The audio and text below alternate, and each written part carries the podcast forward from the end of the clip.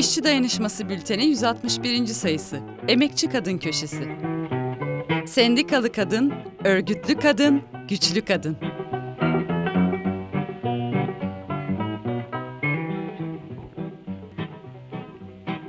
You gals who want to be free, just take a tip from me. Get you a man who's a union man and join the ladies' auxiliary. Married life ain't hard when you got a union card. A union man has a happy life when he's got a union wife. Kızlar, özgür olmak isterseniz benden size bir tavsiye. Sendikalı bir eş bulun kendinize. Ve katılın Emekçi Kadın Komitesi'ne. Evlilik hayatı zor değildir. Sendika üyelik kartınız varsa ve sendikalı adamın mutlu bir hayatı vardır.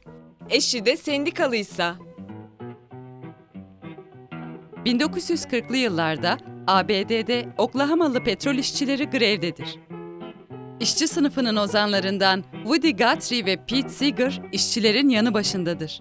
Bir sendika yöneticisi onlardan grevci işçiler için bir şarkı yapmalarını ister. Union Mate yani sendikalı kadın şarkısının ilk versiyonu böyle ortaya çıkar. Yıllar içinde yeni yeni sözler eklenir şarkıya. Şarkının her bir satırı emekçi kadınların çileli yaşamlarını, başeğmezliğini, mücadelelerinin coşkun ruhunu yansıtır. Sendikalı, örgütlü işçi kadının patronlardan korkmayacağı, yaşam kolay olmasa da her zaman dik duracağı, erkek işçilere de cesaret vereceği anlatılır. Siz, özgür olmak isteyen kadınlar, benden size bir tavsiye. Bize belletilen ezberlerden kurtulun. Bizim bir mücadele geçmişimiz var. Kadın hakları için mücadelemiz var. İşçilerin birleşmesi gerekir. John Sana gibi işçileri harekete geçirelim. Her kavganın en ön safında olalım. İşin kolayına kaçmazsak, şarkı deyip geçmezsek bu sözler derin manalar taşıyor ve bizlere çok şey anlatıyor. Patronlar işçileri makinenin bir parçası, hatta büyük hayvanı gibi görür ve ölesiye çalıştırır. İşçi, yaşamın ona insan olduğunu hissettirecek güzelliklerinden mahrum kalır. İnsan gibi yaşamadığını hisseder, çevresindeki insanlara yabancılaşır. İşçiler için birlik olmak demek, örgütlenerek patronlar karşısında güçlü olmak, dik durabilmek demektir. Dayanışma ve birlik içinde olan işçiler kendilerini yalnız ve güçsüz hissetmez. Daha iyi çalışma koşulları için birlikte hareket eder. Birbirlerini dinlemeyi, birbirlerine değer vermeyi, saygı duymayı bilirler. Kadın ya da erkek ayırt etmeden sermaye sahiplerine karşı mücadele ederken haklı olmanın onur ve mutluluğunu birlikte yaşarlar. İşçiler dayanışma içinde olursa her zorluk aşılır. İşte bu gerçeklerin farkında olmak, sınıf bilincine sahip olmak demektir. İşçiler ancak örgütlü mücadele içinde olurlarsa kendilerini değerli hissetmeyi ve değer vermeyi öğrenir, değişir, dönüşür, gelişirler. Makinenin bir parçası olmaktan, yavanlıktan, yabancılıktan, yalnızlık duygusundan kurtulur, insanlaşırlar. Mücadele içinde olan ve dönüşen işçiler kendi sınıf kimliklerini, örgütlülükten doğan kültürlerini yaşamın her alanına taşırlar. Bu durum evlerine de, eş ve çocuklarıyla ilişkilerine de yansır ve böylesi şarkıların ortaya çıkmasını sağlar. Maden filmindeki Nurettin karakterini hatırlayalım. Eşine ve çocuklarına değer vermez ama mücadele edince değişir. Nurettin ve arkadaşları hem patrona hem de Sarı Sendika'ya karşı bir mücadele başlatır.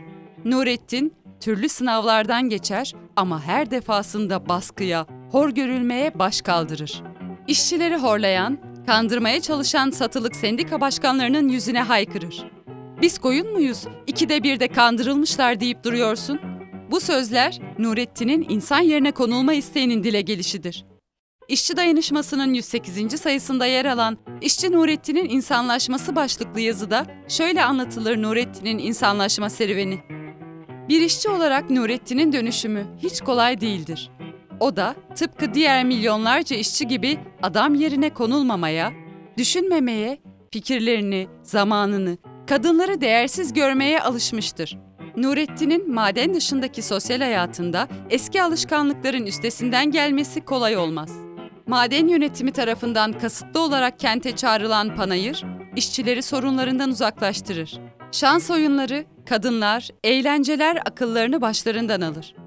Mücadeledeki görevleri yerine panayırdaki şovların sahte çekiciliğine kapılan Nurettin'e doğru yolu gösteren arkadaşı İlyas olur. Yaşadıklarından önemli bir ders alan Nurettin, aklını başına devşirir. Bir yudum insaniyete ihtiyaç duyan panayırdaki kızın insani yaklaşımını cinsellik olarak yorumlayan Nurettin artık geride kalmıştır. Nurettin evine, ailesine artık bambaşka bir kişi olarak döner.